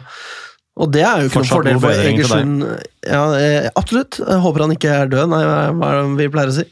Det er eh, eh, Håper han har det etter forholdene greit, og at han kan spille fotball igjen om ikke så altfor lenge. Ja. Men det er uansett en veldig eh, stor belastning for Egersund å dra til Arendal. Der er de fryktelig, fryktelig, fryktelig gode. Eh, det er det ingen tvil om. Eh, de har prestert veldig bra på hjemmebane, og eh, det, det kan ikke Egersund ta lett på i det hele tatt. Og hvis de da får en liten dupp på høsten Ja, nei, det, jeg skal ikke engang si det, ass. Men Altså Den derre der auraen av uslåelighet i Egersund, den er jo borte. Det er det Ja, ingen tvil om, selv om de nå har vunnet noen kamper igjen etterpå. En ufortjent seier mot Kjelsås, og så har de ekspedert eh, svake lag. Eh, de og, har tapt, ikke og uavgjort mot Fløy, da. ja, ja, ikke sant? uavgjort mot Fløy. Nå snakker jeg om etter at det liksom Mm. tilsynelatende snudde litt igjen inn mot sommeren. Det var ikke så sterkt som det kunne se ut. Og, og det at de nå de gikk fra liksom at ett poengtap, og det var mot Arendal, til at de ga bort poeng mot lag de absolutt ikke burde gjøre mot, særlig mot Fløy. De kan ikke føle seg trygge i noen kamper, rett og slett. Det er jo noe med det også. Egersund presterer jo litt sånn mot uh, Altså, jeg hørte på den podkasten med han derre Matheus Bårdsen, da. Ja, 21-åringen som er daglig leder i Egersund. Og eh, ja, enig i det. Eh, og da fortalte han det at det før eh, Altså, han fikk jobben, da var han vel 20, da. Fikk jobben som 20-åring. Eh, han har vært i jobben en uke, da trakk eh, hoved- og assistenttrener seg. Og i løpet av samme uka så sa generalsponsoren nei, jeg har ikke lyst til å være med mer. Eh, og spillerstallen var liksom ikke pusla sammen eller noe som helst.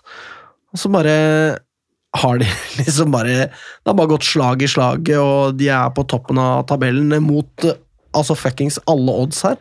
Eh, men så blir det jo litt sånn law of averages. Kanskje det er eh, rom for at de eh, går på en liten eh, dupp der etter hvert også, at ikke absolutt alt går deres vei.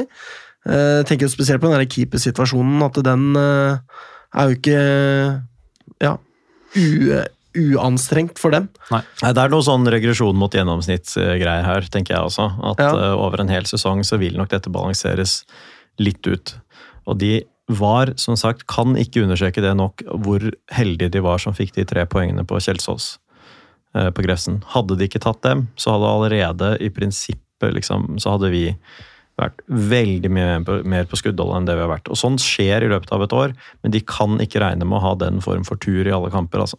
Og det er jo noe med det liksom, ehm, Det er poengene som teller og er avgjørende. Målforskjell til jo også, selvfølgelig. Gode lag vinner på dårlige dager.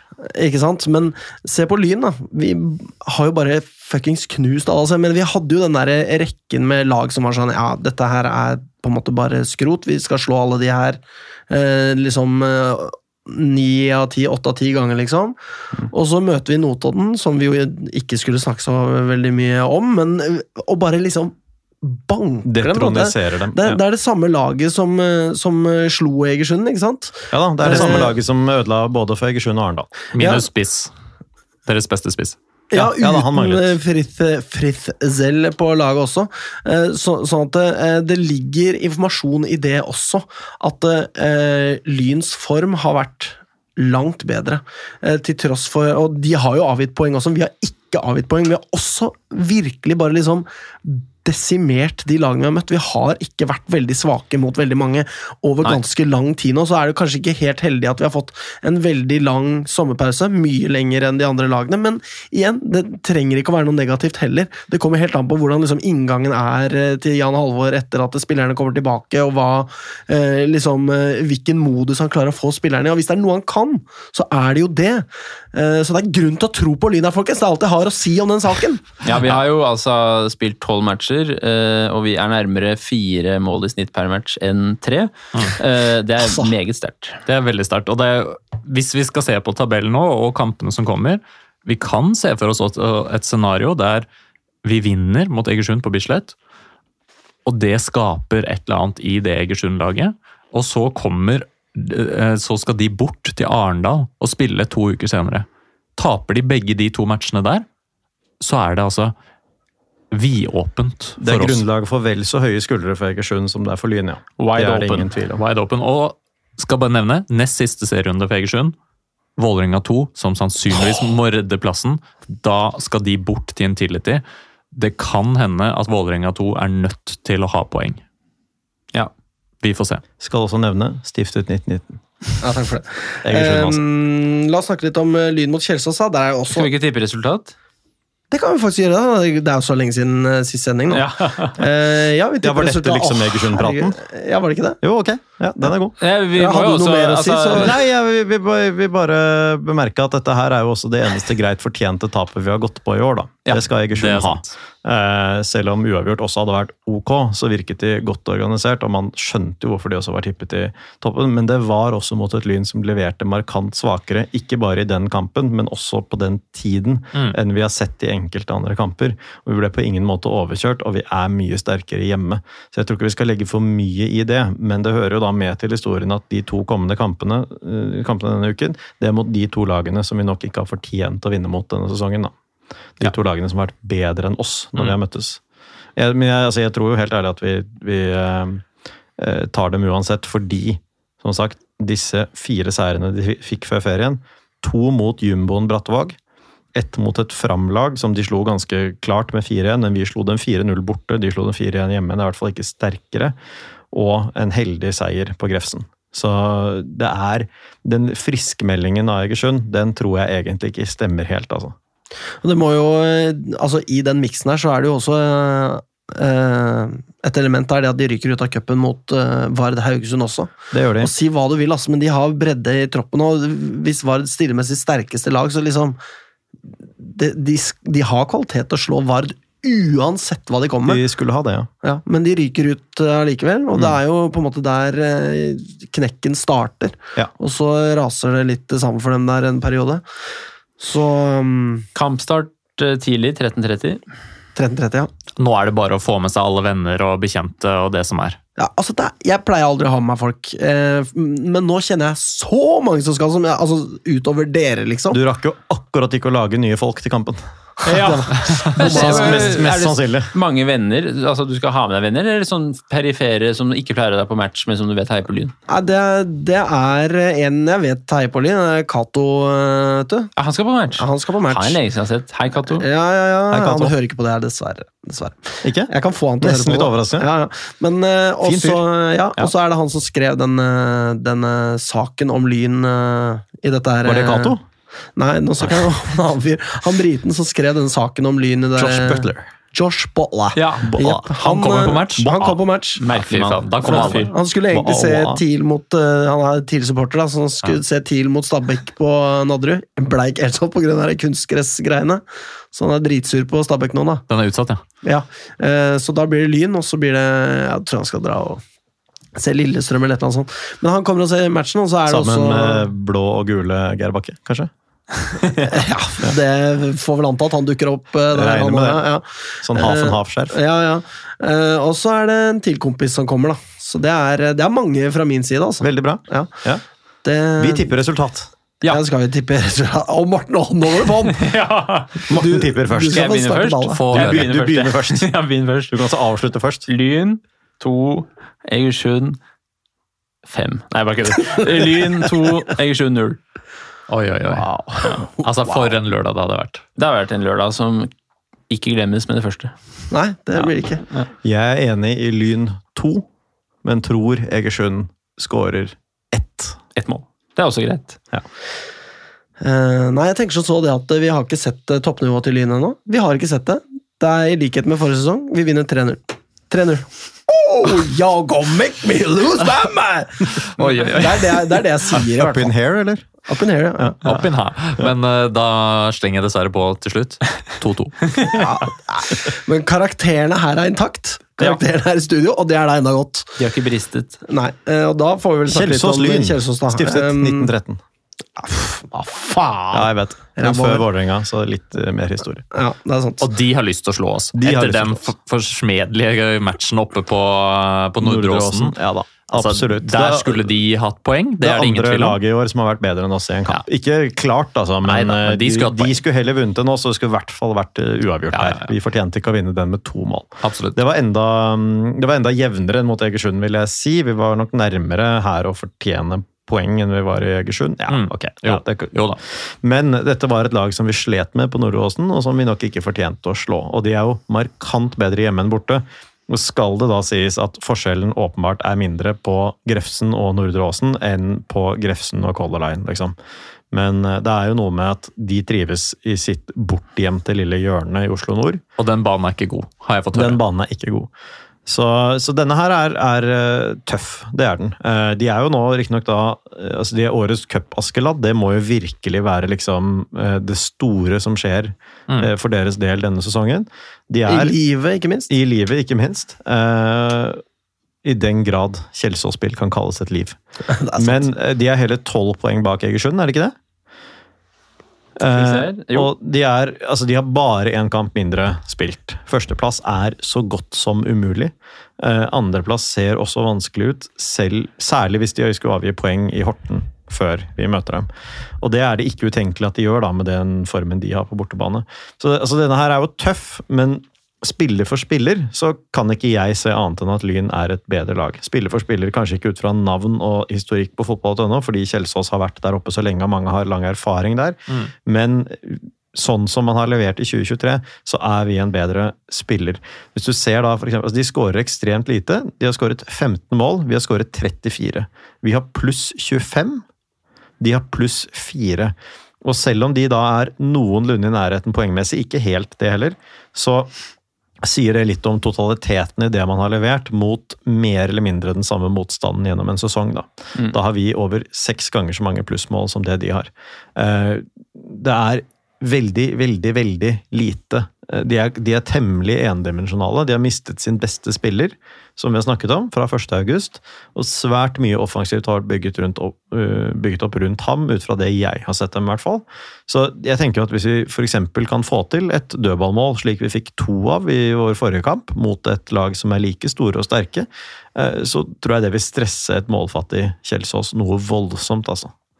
Og skal ikke undervurdere Kjelsås sin evne til å eh, bare liksom sulle videre selv om de mister en god spiller. Altså, før sesongen mista de Ja, det, du, Ole Erik du surrer og går, det gjør de jo. Ja, og Yao Painsil, liksom. Og Ikke bare surrer og går det. Nei, det går jo skikkelig bra, og det er jo på en måte altså jeg mener Hvis man ser den eh, eh, progresjonen de hadde fra det 4-0-tapet mot oss i første førsesongen til dette tapet de hadde mot oss på Nordre Åsen her, så er det jo altså det var jo to forskjellige lag. Vi banka dem jo på, på Grefsen der eh, før sesongen, og alle var bekymra. Hva skjer her nå? Dette var ikke bra, og fortsatte å gjøre det dårlig før sesongen og sånn. Og nå er de bare der oppe og nikker, og eh, er altså ekstremt imponerende. Nå er det Selvfølgelig er det imponerende at det er i semifinalen eh, av cupen, men den eh, kvartfinalen mot Raufoss der var jo litt sånn Alle skjønte jo egentlig at det kom til å gå veien for dem. Et Raufoss det har butta veldig for, og til tross for at de var ett nivå over, så liksom eh, Det er ikke så imponerende. Det er mer det at de er i semifinalen som er imponerende. Og heller de lagene de har slått Ja, de har tidligere. slått Stabæk, for eksempel. Det er sterkt. og Jerv, som jo også Ja, er 2-1 mot eh, Raufoss er ikke det Og Koffa. helt Og Koffa. Ja, det er jo- Altså, det er jo en kjempesterk rekke. Det er det, sant? Og, det er det. og det sier noe om den kvaliteten i laget. Ja, de har mistet sin eh, beste spiller, får vi anta, men det er likevel en klubb som da, som du nevner, har avgitt spillere jevnt og trutt til Eliteserien. Altså Ja. spillere som kommer ut av intet, som de utvikler der. Så det er helt Altså- åpenbart at de får til noen ting. Hvor var det Vinje kom fra? Nordstrand, liksom. Det. Ja, God natt til det. Ikke Ja, sant? Så det er jo- det er jo imponerende det de gjør, og de henter spillere som utvikler seg og blir såpass gode. Så det de har gjort nå, henta inn en fra Follo som har vært god der og utvikla seg, det, det er en typisk Kjelsås-signering. da. Mm. Sånn at eh, Vi møter et kjempegodt lag, kan ikke undervurdere det, og de vil slå oss på en bane som er fordel Kjelsås. Ja, de kaster jo, eh, de kaster jo spillere inn i det Kjelsås allerede er, og etter hvert da former dem inn i Kjelsås-måten å spille på. De har en kontinuitet, de har en evne til å gjøre kamper tette og jevne og vanskelige og ubehagelige. Og Det er jo det vi kommer til å møte på her, og det vi egentlig må være best forberedt på. Det vi må terpe mest på i forkant, er hva gjør du når det stagnerer? da? Hvis, hvis Kjelsås skulle få en, et dødballmål, da, eller skulle få en scoring på Det skal jo ikke mye til før det plutselig vipper feil vei. Hva gjør vi da? De er gode til å drepe kamper. De er gode til å, å få mye ut av lite, det er de. Men jeg mener jo da virkelig at spiller for spiller er vi et bedre lag. Og sagt, den, jeg vil ikke undervurdere betydningen av den målforskjellsdifferansen oss imellom, på hvor, hva slags nivå vi egentlig har levert på våren 2023. Det tror jeg er stor forskjell, og jeg håper at Kjelsås ikke på en måte klarer å dra oss ned på sitt nivå. Sånn, ikke sportslig, men i liksom gjøre dette til et sånt ordentlig slag. Det skal ikke vi. Vi skal ikke opp der og ta del i et slag mot uh, Kjelsås. En sånn uh, bakgateslagsmål, liksom. Det er ikke det vi skal ha her. Vi skal forsøke å ekspedere dem på den måten vi har ekspedert lag på noenlunde samme nivå som f.eks. Notodden. da. Godt eksempel. Og, og tar vi Kjelsås borte, det mener jeg er en, vil være en helt enorm prestasjon. For en selvtillit det laget har oppe på Grefsen. Sant? Alle de kampene de har vunnet der oppe nå i, i vår, det er, det er jo enormt sterkt. Sånn at uh, klarer vi å gå, dra opp dit og vinne den matchen, hale i land poeng, så tror jeg det egentlig er godt nok til å være på kvalikkurs eller opprykkskurs. Spørsmålet er er det tøffest å møte Egersund hjemme eller Kjelsås borte? Kjelsås borte. har, Kjelsås borte. du syns det er tøffest? Ja. Jeg, jeg har ikke noe øh, fullgodt svar på det. Jeg tenker det er helt hipp som- happ, egentlig. Det er to veldig tøffe kamper, men, eh, men det kan fort bli et slag, selv om vi ikke håper på det. Og, Ja og det er åpenbart at hvis de hadde hatt Nå mister de vinner i tillegg, da, men hvis de hadde hatt en spiss, som, eller et angrepsspill da. Vil, Unnskyld. Jeg sa Vinje i stad. Altså. Oh, ja, ja. Jeg tror det. ja.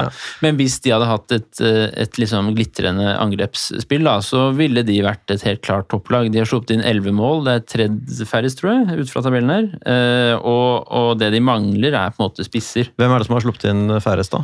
Eh, Lyn og. Egersund. Nemlig. Ja.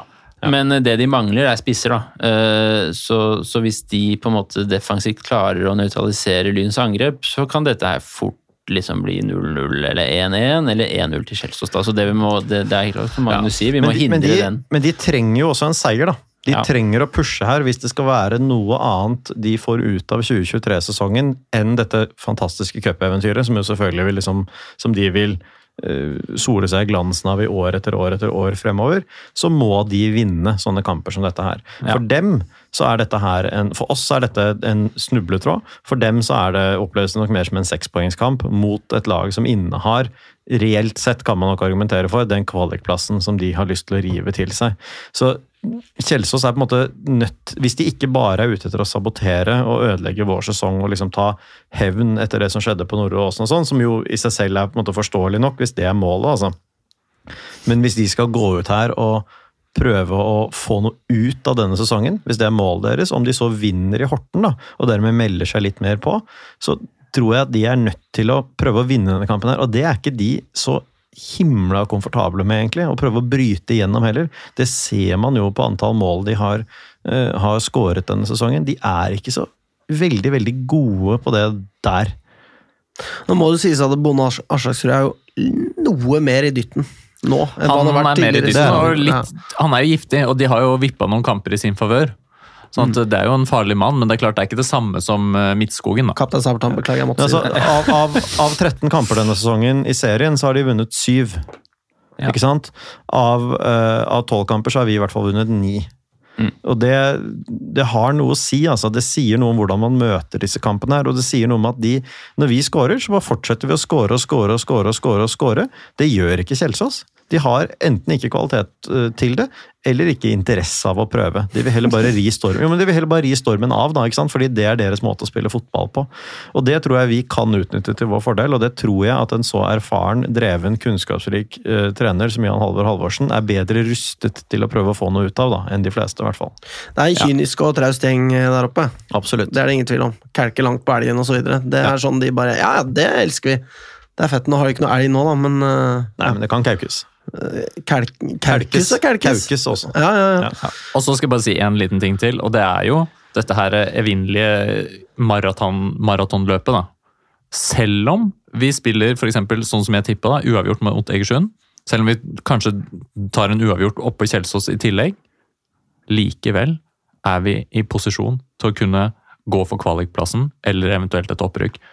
At Egersund mister poeng utover høsten, det kan fort være, selv om vi ikke vinner mot dem. Nå skal jeg fortelle dere noe sykt. Om åtte dager får jeg et barn, ikke sant? Det var ikke det, Det er jo helt sjukt. Ja, det er ganske sjukt. Men eh, Mirakel. hvis, eh, hvis Lyn rykker opp og, og holder seg i førstedivisjon, så har hun bare opplevd Lyn som andredivisjonslag i noen få måneder i sitt liv. Bare tenk på det! Ja. Tenk på det! At de menneskene kan finnes! Ja, Det er veldig hypotetisk, da, selvfølgelig, men For et et liv det blir for- Å, herregud. Joshua Lyn Skofterud Kari. Eh, Ja, hun skal hete Joshua Lyn, ja. Eh, definitivt. Um, Nå tror, tror kanskje lytterne at hun skal hete det, faktisk. det hadde vært uh, jævlig fett å kalle det for Joshua Lyn, men det blir nok Det blir ikke det. Ja, kanskje ikke det. Vi, for, for å si det sånn, vi har ikke sendt Det brev det, til det er ikke eh, det navnet jeg tenkte på tidligere. Nei, Nei. vi har ikke sendt brev til hva det heter da, Folkeregisteret ennå. Nei. Nei. Så vi får se. Ja. Holder muligheten åpne. Skal vi tippe resultat? Kanskje kona kan bli et hinder. Vi tipper resultat. Ja. Morten, du skal få lov til å starte denne gangen også. Åh. Tipper du mot de der eh, Ah. eh, gubbekjedelige folka der ja, oppe? jeg tror, altså Dette er et lag som spiller jevnt mot alle, enten de vinner, taper eller spiller uavgjort. Uh, virker det som på resultatet. da. De vinner med ett mål eller taper med ett mål. Uh, og jeg tror vi slår Egersund, som sagt. Og så tror jeg ikke vi slår Kjelsås, så jeg tror det blir 1-1. Oi, for en høst det kan bli med det utgangspunktet. Nikolai, Jeg tror, skal få unna pessimismen her og nå. jeg tror faktisk vi vinner null. ja. Oh, faen! Oi, oi, oi, oi, oi. Ja, nei, skal... Da er jo dere, har jo dere like mange, tippa like mange poeng, da. Det har vi ja, jeg skal motsi meg selv da jeg sa at uh, dette er en tøffere kamp enn uh, Egersund. Men det er også fordi jeg tror at uh, Kjelsås er nødt til å pushe i denne kampen. her. Og de må pushe når vi leder 2-1, og da kontrer vi inn 3-1 på slutt. Ja. 3-1 til Lyn. Flott. Da er det min tur. Jeg hadde håpet at det ikke skulle komme til meg, at jeg måtte gå gjennom dette, men eh, det må jeg altså. Eh, nei, altså Jeg sier jo alltid at Lyn vinner. Jeg gjør jo det det- denne gangen også. Det kan jeg spoile her og nå. Eh, men det blir jevnt, og det blir en jævlig vond kamp å se på. Jeg skal dessverre ikke dit, antageligvis. Ja, vi får se. Det. Kanskje ta med Joshua Lyn opp dit. Gjør det. Ja. Eh, Du så kan med deg to Joshua Lyner. ja, ikke sant? Jeg har ikke tenkt å spørre hun andre, faktisk. Eh, Men eh, Så jeg tipper det blir eh, en utrolig smertefull og vond ja, Men god til slutt, da. 2-1-seier. Bra. Bra. Bra, bra, bra. Det, er bare- det er så what a time to be alive å heie på Jeg kunne sittet nå. her en time til. Jeg kunne også det. Det merkes at vi ikke har vært Vi skal ikke gjøre det. Ingen fare, Nikolai. Jeg ser ansiktet ditt vrenger seg. Nå. Nå. Jeg må på toalettet, faktisk. Ja, så vi men kan det- kanskje gi oss. Ja, vi skal det, men det er ekstremt spennende, og folk må bare ta det inn. Ja. Folk må bare ta dette inn. Ja. I alle disse magre årene. Nå er vi her i en situasjon som er ekstremt spennende. Hva skulle du si, Magnus? Jeg, Jeg skulle bare, bare puste dypt. Eh, Jeg kan jo bemerke, da. Lyn har vunnet de tre siste hjemmekampene med en målforskjell på 15-0. Velkommen hit, Egersund. Ja, og eh, ta oss eh, vel imot eh, Kjelsås, og lykke til. Eh, nei, vi får bare nyte dette eh, mens vi er her. Og så sier vi spør ikke hva Lyn kan gjøre for deg, spør heller hva du kan gjøre for Lyn. Takk for oss. Kom igjen, Lyn, kom igjen, Lyn, kom igjen, Lyn, kom igjen, Lyn, kom igjen, Lyn! Moderne media.